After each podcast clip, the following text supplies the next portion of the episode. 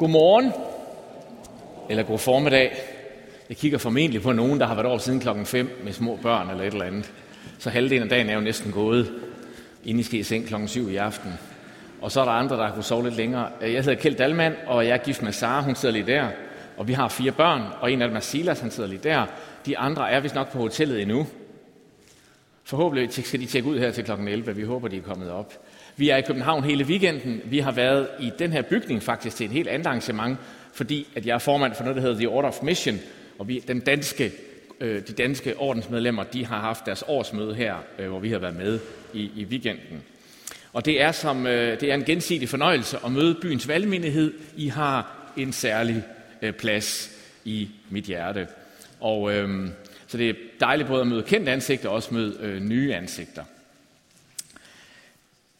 Det, øh, jeg skal tale om skam i dag, og skam er en følelse af at være forkert.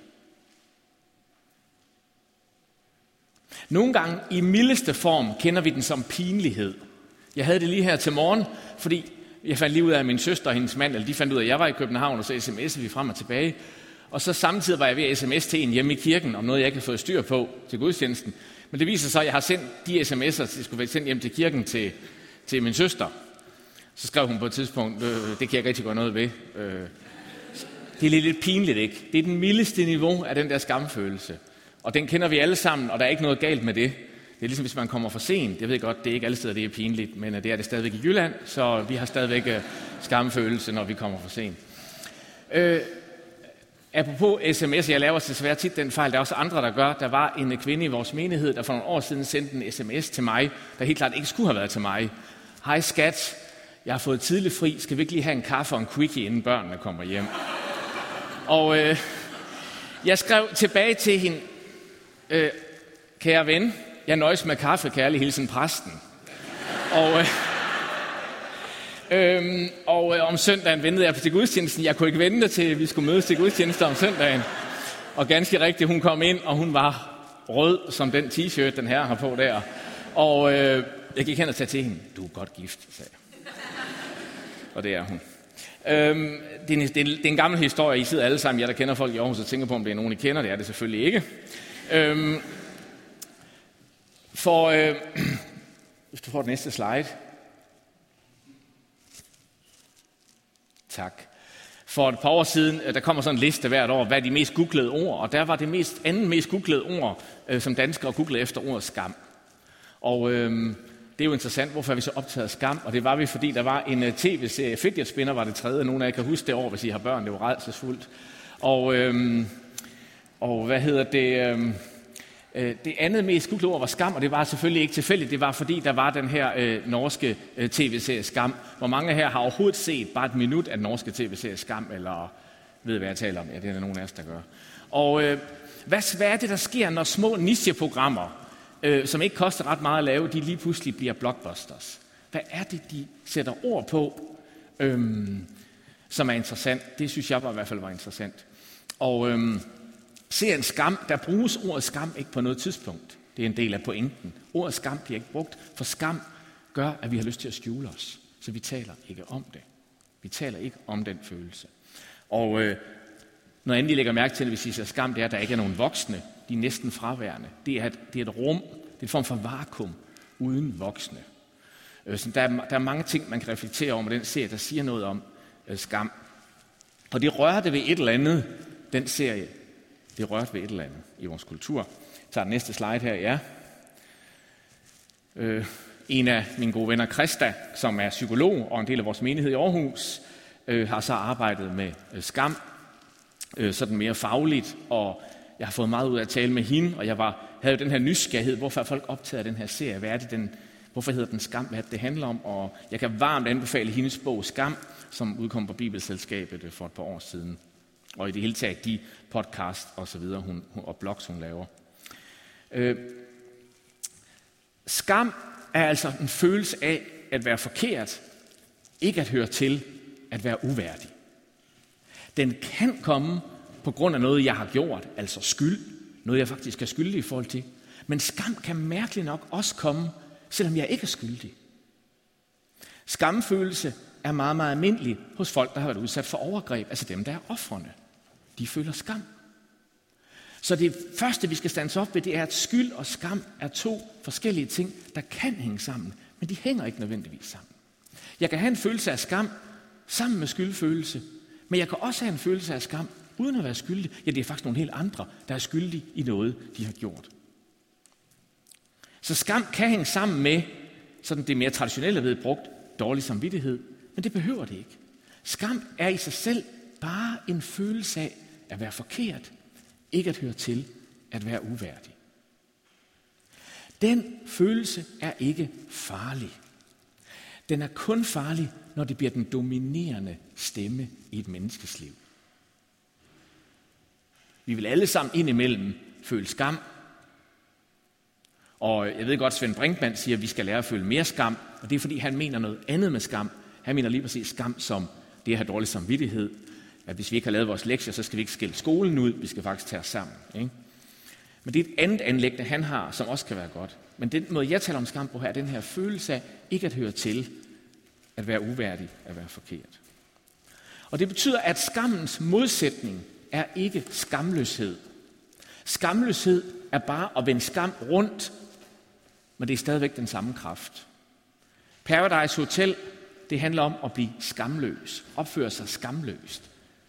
Leve det hele ud, men det, der er ingen frihed i det. Det løser ikke noget. Det er den samme skamfølelse. Man vender det bare rundt og reagerer ud af. I 70'erne skrev Henrik Stangerup øh, sin bog om manden, der ville være skyldig. Og øh, det er sådan en fuldstændig grotesk roman, nogle af jer har måske stødt på den, hvor en mand, han slår sin kone ihjel, og så anmelder han sig, erklærer han sig skyldig. Men så handler romanen om, at han kan ikke få lov at være skyldig, for det er ikke hans skyld, selvom han har slået sin kone ihjel. Det er kommunens og, øh, hvad hedder det her over borgerrepræsentationen og det er de blå og de røde. Det er alle mulige andre skyld, ikke? Det er i hvert fald ikke hans skyld. Og, og Henrik Stangerup udfolder der den her øh, moderne eller senmoderne udvikling, hvor den traditionelle opfattelse af skyld øh, blev trængt tilbage. Det, der så har været overraskende, det er, at skam til synlædende er kommet igen. Følelsen af skam er tiltagende. Vi lever i en kultur, hvor mennesker skærer i sig selv, altså cutters, på grund af skamfølelse. Hvor kommer al den der skamfølelse fra, når vi nu troede, at vi var blevet frie, moderne individer, der kunne forstå os selv uden religion og uden den klassiske europæiske kristne tradition for rigtigt og forkert og skyld og tilgivelse. Der er en anden kultur, der kommer frem omkring skam. Under 2. verdenskrig så øh, havde amerikanerne og alle de allierede en meget, meget stor udfordring med at vinde over Japan. Og en af de ting, man fandt ud af bagefter, var, at man overhovedet ikke forholdt sig til, hvordan en skamkultur, som øh, japansk kultur er, fungerer over for en skyld og retfærdighedskultur, som er amerikansk tradition. Man har simpelthen ikke forestillet sig, at, at japanske soldater, fordi de kommer fra en ære- og skamkultur, vil være villige til at blive kamikaze-piloter og ofre deres eget liv og flyve lige ind i et hangarskib. Man havde læst en anden kultur ud fra sin egen forudsætning. Så det at forstå skam er vigtigt på alle mulige planer. Skabelsesberetningen i Gamle Testamente ender med et bestemt udtryk. Er der nogen, der kan huske, hvad det aller sidste, der står i skabelsesberetningen, før vi hører om syndefaldet?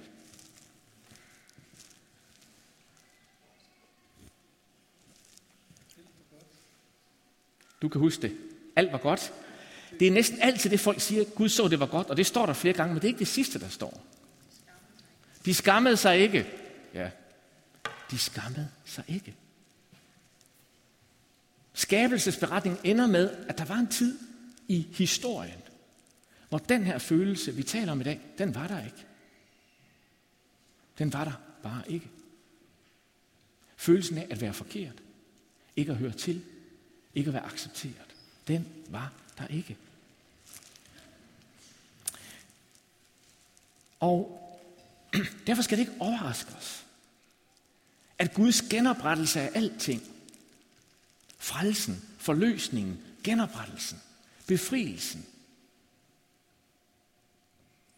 alt det, der har sit klimaks i Jesus, At det både er en forsoning og tilgivelse for synd, men det er også frihed fra skam. For med syndefaldet kom skylden ind i verden, men også skammen. Den første del med skylden, det har vi rigtig stærkt sprog for i kirkens traditioner og teologi. Det med skammen har vi været dårligere til at sætte ord på. Men når vi begynder at opdage det i Bibelen, så vælter det ud af siderne. Særligt hos Johannes, evangelisten Johannes. Johannes fortæller igen og igen om mennesker, som har den her skamfølelse. Det første under hos Johannes er et bryllup i Kana, og de løber tør for vin. Det har vi svært ved at forstå skulle være helt vildt skamfuldt. Selv i BVM. Så er der sikkert nogen, der har bajer eller et eller andet, ikke? Men de løb tør for vin, men det var meget, meget, meget skamfuldt for den her familie i Mellemøsten. Det ville have været skam over den familie i den landsby mange år frem, at de havde ikke sørget for det, de skulle til det her bryllup. Så det er en skamfuld situation, det forstår Jesu mor. Så hun siger, Jesus gør noget ved det. Og Jesus siger, nej, jeg, jeg kan ikke løbe, jeg er det ikke nu. Men hun har kvindelist. Hun var jo hans mor, så hun siger til tjenerne, gør hvad som helst, han siger til jer. Det har min mor aldrig sagt om mig, det er lige en vigtig parentes her. Gør hvad som helst, han siger til jer. Og hvad gør Jesus? Han vender en skamfuld situation til en fest. Ja. Næste kapitel, hvem møder vi der? Nikodemus. Han kommer til Jesus om natten. Hvorfor? Han skammede sig. Han vil ikke se sammen med den her nye mærkelige rabbi, så han kommer om natten. Og så videre, og så videre, til vi kommer til kapitel 21, hvor vi møder Peter, der troede på Jesus, var en disciple af Jesus. Havde bekendt sandt, hvem Jesus var i Caesarea Filippi. Han var en kristen.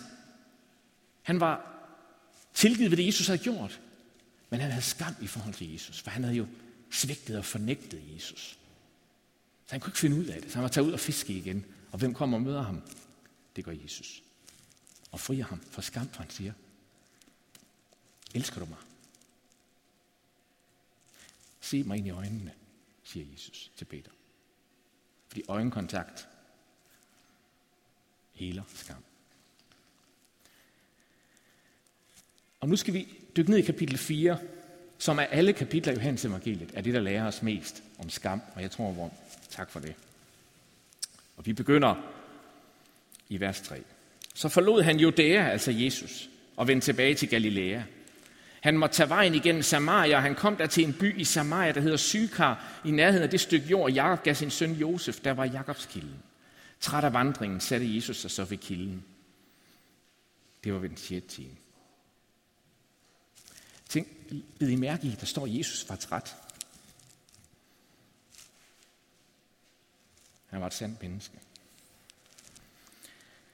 En samaritansk kvinde kom for at hente vand. Jesus sagde til hende, giv mig noget at drikke. Hans disciple var nemlig gået ind til byen for at købe mad. Den samaritanske kvinde sagde til ham, hvordan kan du en jøde bede mig om en samaritansk kvinde om noget at drikke? Jøder vil nemlig ikke have med samaritaner at gøre. Jesus svarede hende, hvis du kendte Guds gave og vidste, hvem det er, der siger til dig, giv mig noget at drikke, så ville du have bedt ham, og han ville have givet dig levende vand. Kvinden sagde til ham, herre, du har ingen spand, og brønden er dyb. Hvor får du så levende vand fra? Du er vel ikke større end vor far Jakob, som gæres brønden og selv drak af den, ligesom hans sønner og hans kvæg. Jesus svarede hende, en hver, som drikker af dette vand, skal tørste igen. Men den, der drikker af det vand, jeg vil give ham, skal aldrig i evighed tørste. Det vand, jeg vil give ham, skal i ham blive en kilde, som vælger med vand til evigt liv. Kvinden sagde til ham, herre, giv mig det vand, så jeg ikke skal tørste og gå herud og hente vand. Da jeg var barn, der var der så nogle tegninger, der hed Find fem fejl. Kender I dem? Der var to ens tegninger, men der var fem ting, der var ændret fra den ene til den anden. Det her det er en Find fem fejl beretning. Der er simpelthen fem ting i den her beretning, som er awkward, som er mærkelige, som er skamfulde, som ikke passer ind i systemet. For det første, en mand i Mellemøsten på den her tid taler med en anden kvinde. De to er alene, der hvor de er til synladende, og de er fremmede for hinanden. Det var skamfuldt. Det gjorde man ikke. Det var et tabu, man overskred. En fremmed kvinde og en fremmed mand måtte ikke tale sammen på den måde. Det er en jøde, der taler med en samaritaner. Det kommer frem i beretningen. De havde hinanden. De var meget enige om, hvem Gud var. De var faktisk også ret enige om Bibelen, altså det gamle testamente, de fem mosebøger. Men de var uenige om, hvor det var sandt at tilbe Gud. Samaritanerne sagde, det var der, hvor de boede, og jøderne sagde, det var i Jerusalem, og de byggede større og større templer. Altså de blev ved med, at man skulle have det største tempel. Og øhm, på et tidspunkt så sagde kong Hyrkon i Jerusalem, jeg kan ikke leve med det der store tempel, vi tager op og smadrer det. Og så tog de op og smadrede samaritanernes tempel. Det var sket 100, godt 100 år før det her. Så de havde hinanden. Der var et dybt fjendskab. Så her er det en jøde, der mødes og taler med en rabbi eller en samaritaner. Tredje fejl. En rabbi, en mester og en lærer i loven taler med en promiskuøs kvinde, en kvinde, som på en eller anden måde har et dårligt ryg. Han sætter sit rygte over styr. Og så være alene med hende. Hvad vil folk ikke tænke? De vil i hvert fald ikke tænke, at de er noget fromt, der foregår. Fjerde fejl. En kvinde går ud til brønden i middagssæden. Det vil man aldrig gøre normalt, det er for varmt. Hvorfor? Hun havde skam. Hun vil være alene, hun vil ikke ses. Hun gik langs væggene. Og femte og sidste ting, som ikke er ny i verdenshistorien, er, at en mand og en kvinde har en samtale, og de taler forbi hinanden.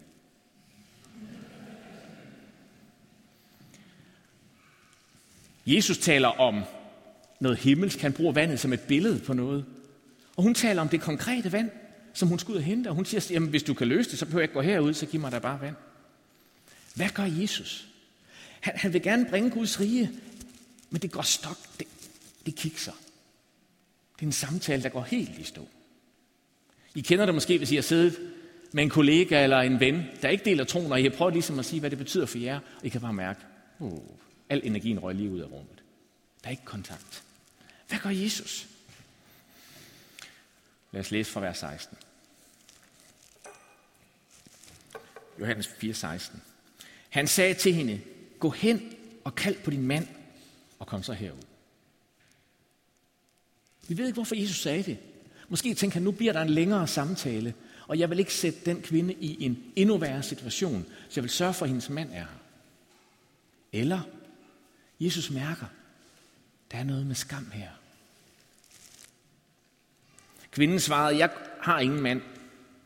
I hvert fald på det her tidspunkt, så har Jesus profetisk indsigt, så siger han, du har ret, når du siger, jeg har ingen mand. For du har fem mænd, og den du har nu er ikke din mand. Der sagde du noget sandt.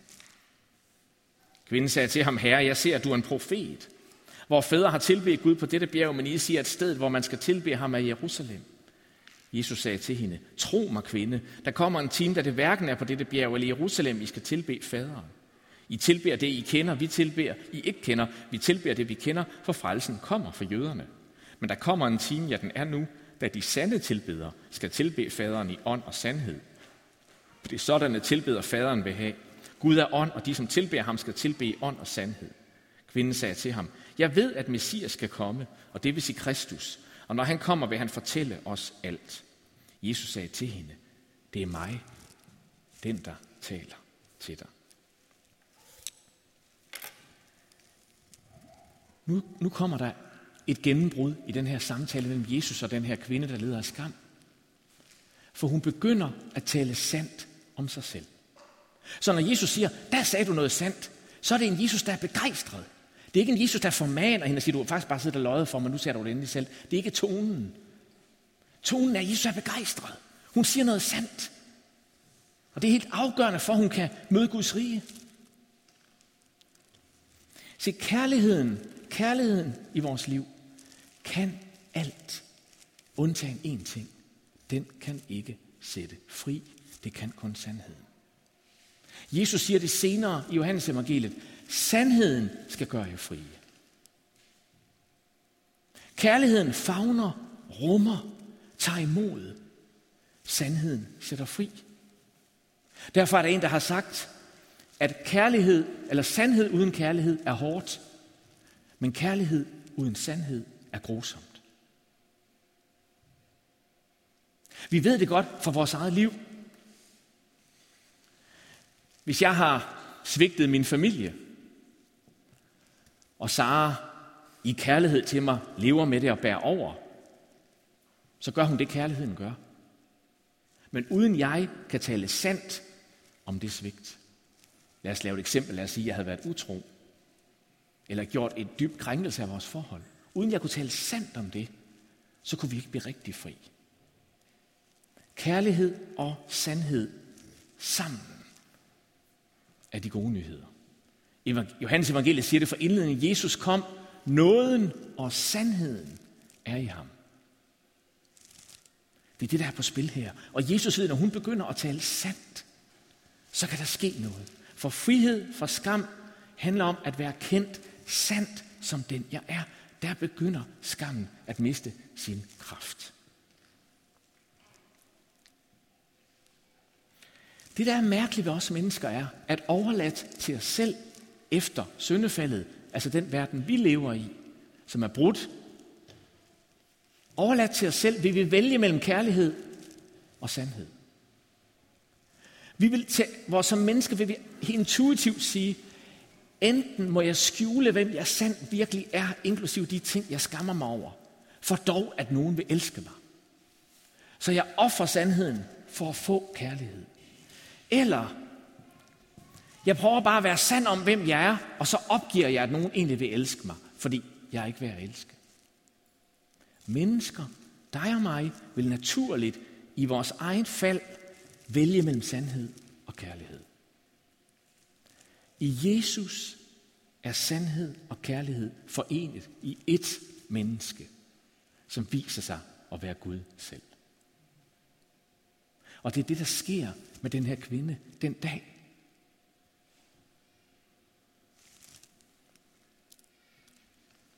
I evangeliet kan jeg være helt sand om, hvem jeg er, og være elsket alligevel. Evangeliet er ikke, du er god nok. Det ved jeg godt, og Winfrey siger, hun har ikke ret. Det er ikke evangeliet, det er opvarsreligion. Evangeliet er, du er ikke god nok, men du er elsket alligevel. Det er evangeliet. Skam har en dybt destruktiv kraft. Hvis den vil tvinge os til enten ikke at være sande om, hvem vi er, for dog at nogen måske må elske os på en god dag. Eller føre os over i kynisme og skamløshed, hvor vi bare siger, fuck det hele. Det er den kraft, det har.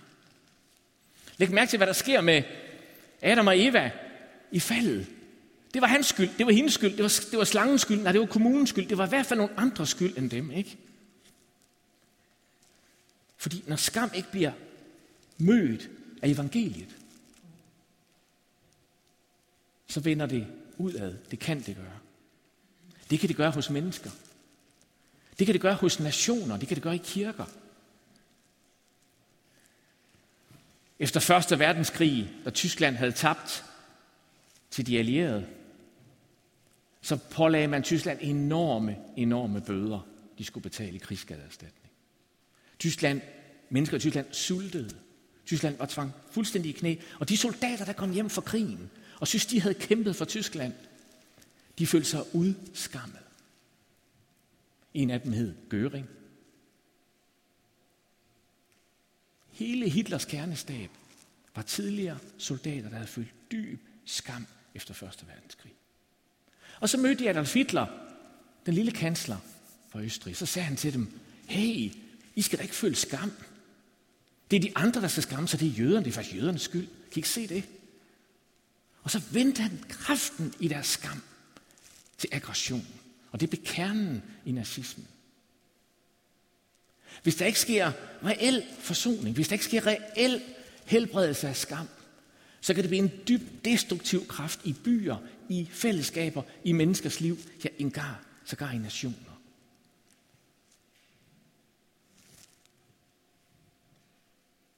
Og man vender det ud af. Jeg læste et interview i vores avis i Aarhus Stiften med en, hmm, en provokunstner i Aarhus. Og hun siger sådan her om hendes livsstrategi. En gang så cyklede jeg forbi Marcelisborg Slot, det er der, hvor Her Majesty hun kommer og holder ferie indimellem. Og folk stod og ventede på, dronningen hun skulle åbenbart komme til Aarhus den dag. Og det fortæller hun hende her, provokunstneren. Min daværende kæreste råbte til den, dronningen er her allerede. Det var mig, siger hun. Og jeg vinkede til den på kongelig maner, for jeg er dronning i mit eget liv. Jeg tager magten tilbage til mig selv. Derfor skriver jeg også altid på min kunst, Gud er stor, men du er størst. Jeg bestemmer over mit eget liv. Jeg underlægger mig Gud, konge, fædreland, religion, eller de ting, andre mener betyder noget som helst.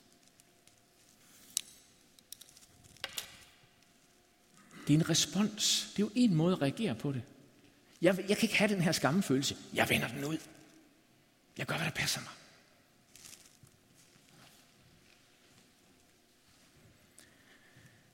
Jesus han bliver også udskammet.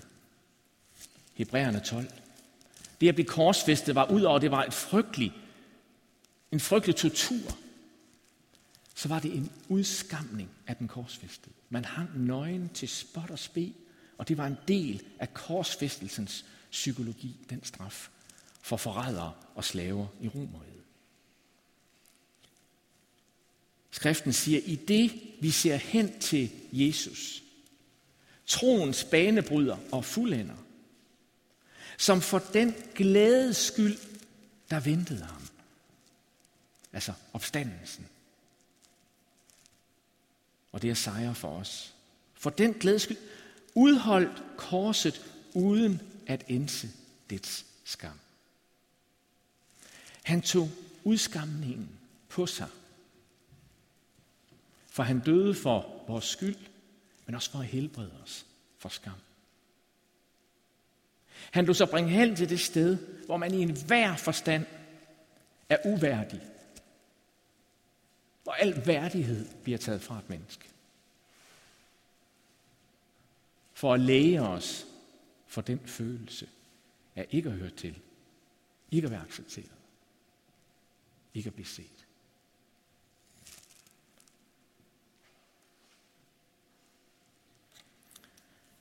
Johannes fortæller videre, kapitel 4, vers 27. Netop da kom hans disciple tilbage, og de undrede sig over, at han talte med en kvinde. Det var det, jeg talte om tidligere. Det var pinligt. Alligevel spurgte ingen, hvad han ville hende, eller hvorfor. Hvorfor ikke? For de også havde skam. Kan I se det? Der er ingen, der snakker om det. Kvinden lå så sin vandkrukke stå. Det er humor hos Johannes. I må ikke overse det. Hun var for hele pointen med at gå ud til brønden, var, at hun skulle have vand med hjem. Nu glemmer hun alt om det. Og, og hun gik ind til byen, ikke langs væggene, ind midt på torvet i landsbyen, og sagde til folk, kom og se en mand, som har fortalt mig alt, hvad jeg har gjort. Kan I høre det? Jeg ved altså ikke, om, om, om, jeg, om det kunne være et vidnesbyrd for mig. Jeg var i byens valgmenighed, og så mødte jeg, hvis jeg ikke kendte nogen, så mødte jeg en, der hed Christian, og han fortalte mig lige alt, hvad jeg havde gjort. Kan I se det? Men for hende er det et vidnesbyrd, for hun har mødt den mand. Den mand. Jesus er Nazareth. Og han har fortalt sit om hendes liv, set lige ind i hende, uden at afvise hende uden at fordømme hende, og uden at udnytte hende. Og alle andre mænd, hun har mødt indtil nu, har gjort en af de tre ting for mig. Derfor er det hendes vidnesbyrd. Jeg har mødt ham, der ved alt om mig. Og han gik ikke væk fra mig. Han gav mig levende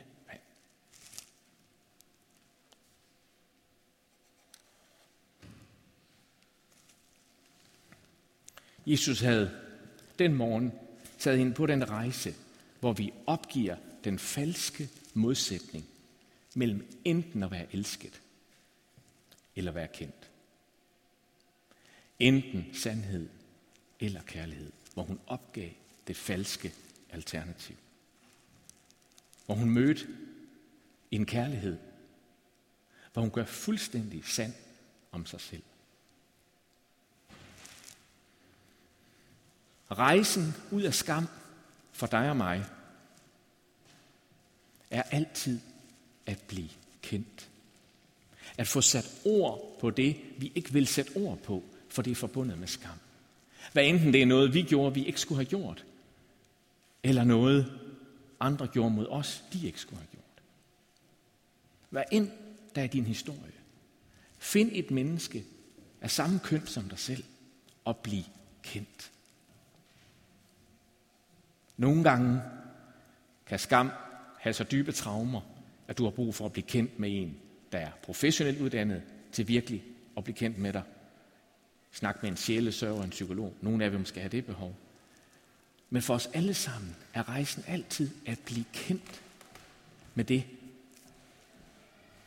som holder os tilbage, som er skam, der holder os tilbage.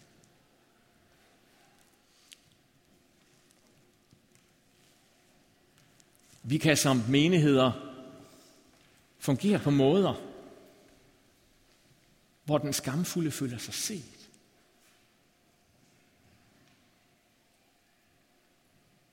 Det handler om øjenkontakt. Det handler om et navn.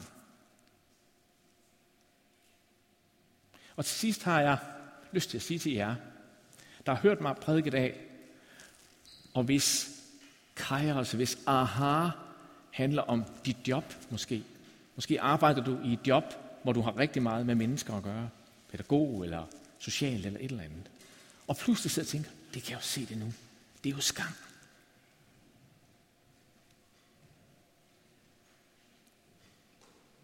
Du kan blive ambassadør for de mennesker i frihed for skam.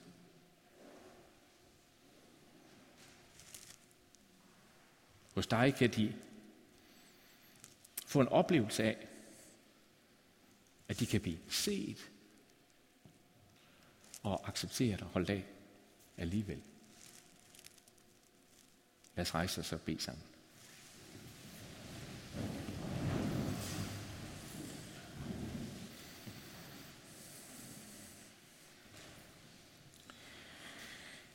Jesus, nåden og sandheden er i dig.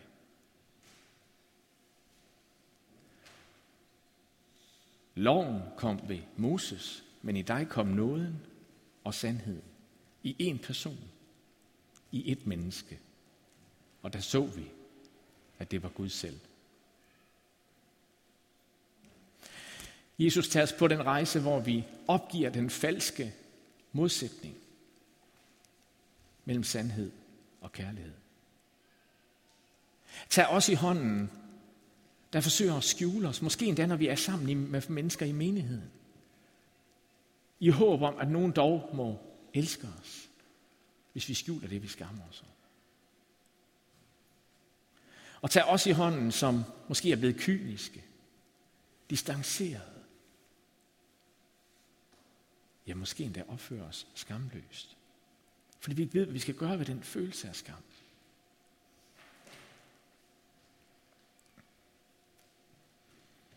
Jesus tager os alle sammen hen det sted, hvor vi må erfare, at i dig har vi mødt ham, der kan sige alt om os, der kender det hele.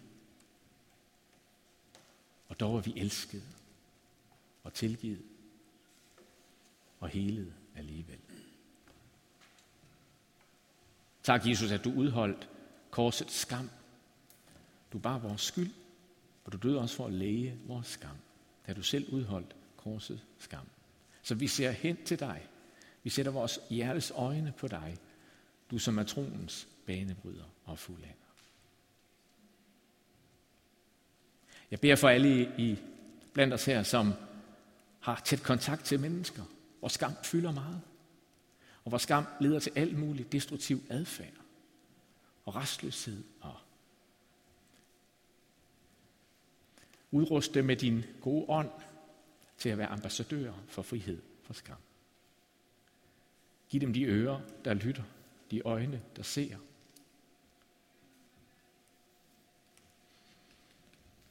Og bringer den frihed til knuste hjerter. Vi opløfter vores hjerter til dig.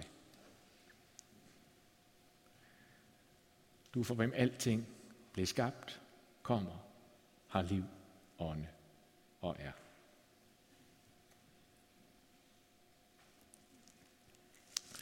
Og jeg vil gøre noget nu, som øh, jyder han hader endnu mere end københavnere.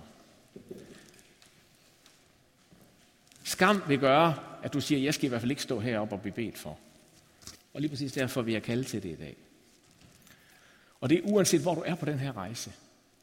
Hvis du stiller dig herop til forbøn nu sammen med mig, og jeg har selv brug for det, så er det bare fordi, du ønsker mere frihed. Uanset hvad.